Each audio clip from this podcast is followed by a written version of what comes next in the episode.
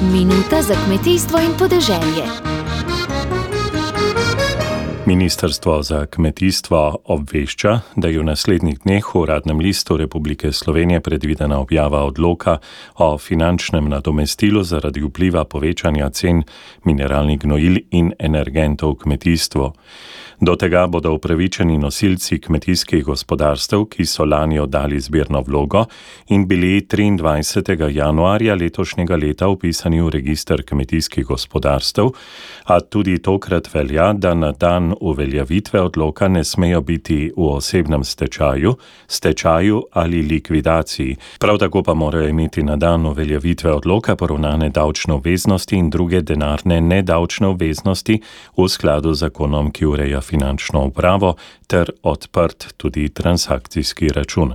Agencija Republike Slovenije za kmetijske trge in razvoj podeželja bo nosilcem kmetijskih gospodarstev, ki izpolnjujejo vse te pogoje, v 30 dneh po uveljavitvi odloka na podlagi podatkov iz uradnih evidenc izdala informativno odločbo v skladu z desetim členom zakona o ukrepih za omilitev posledic dviga cen energentov v gospodarstvu in kmetijstvu.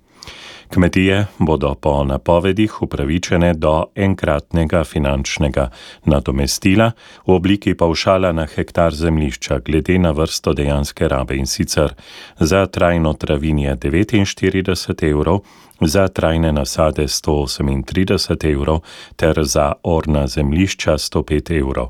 Podrobnejše pogoje za dodelitev finančnega nadomestila bo predpisala torej vlada z odlokom, ki bo objavljen v prihodnjih dneh.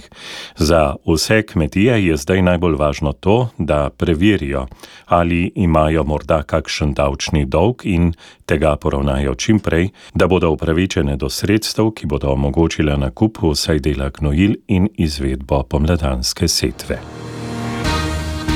Dobro se je zavedati, kmetijstvo nas vse preživlja.